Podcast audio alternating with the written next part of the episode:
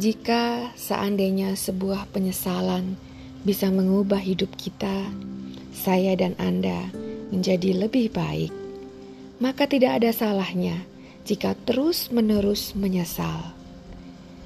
Jika dengan menyesal bisa memperbaiki situasi yang sangat buruk, berganti menjadi situasi yang menyamankan, maka marilah pertahankan rasa penyesalan itu. Tetapi, Manakala penyesalan itu justru berdampak sebaliknya, berdampak penyiksaan terhadap batin kita, berdampak yang sangat menguras energi positif kita menjadi energi negatif, berdampak yang sangat mengganggu emosional kita. Lalu, mengapa harus dipertahankan penyesalan itu menjadi mengakar di dalam hati dan pikiran kita? Kita ini adalah pribadi yang bebas.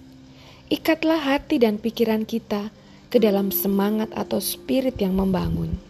Mulailah bebaskan diri kita dari rasa penyesalan.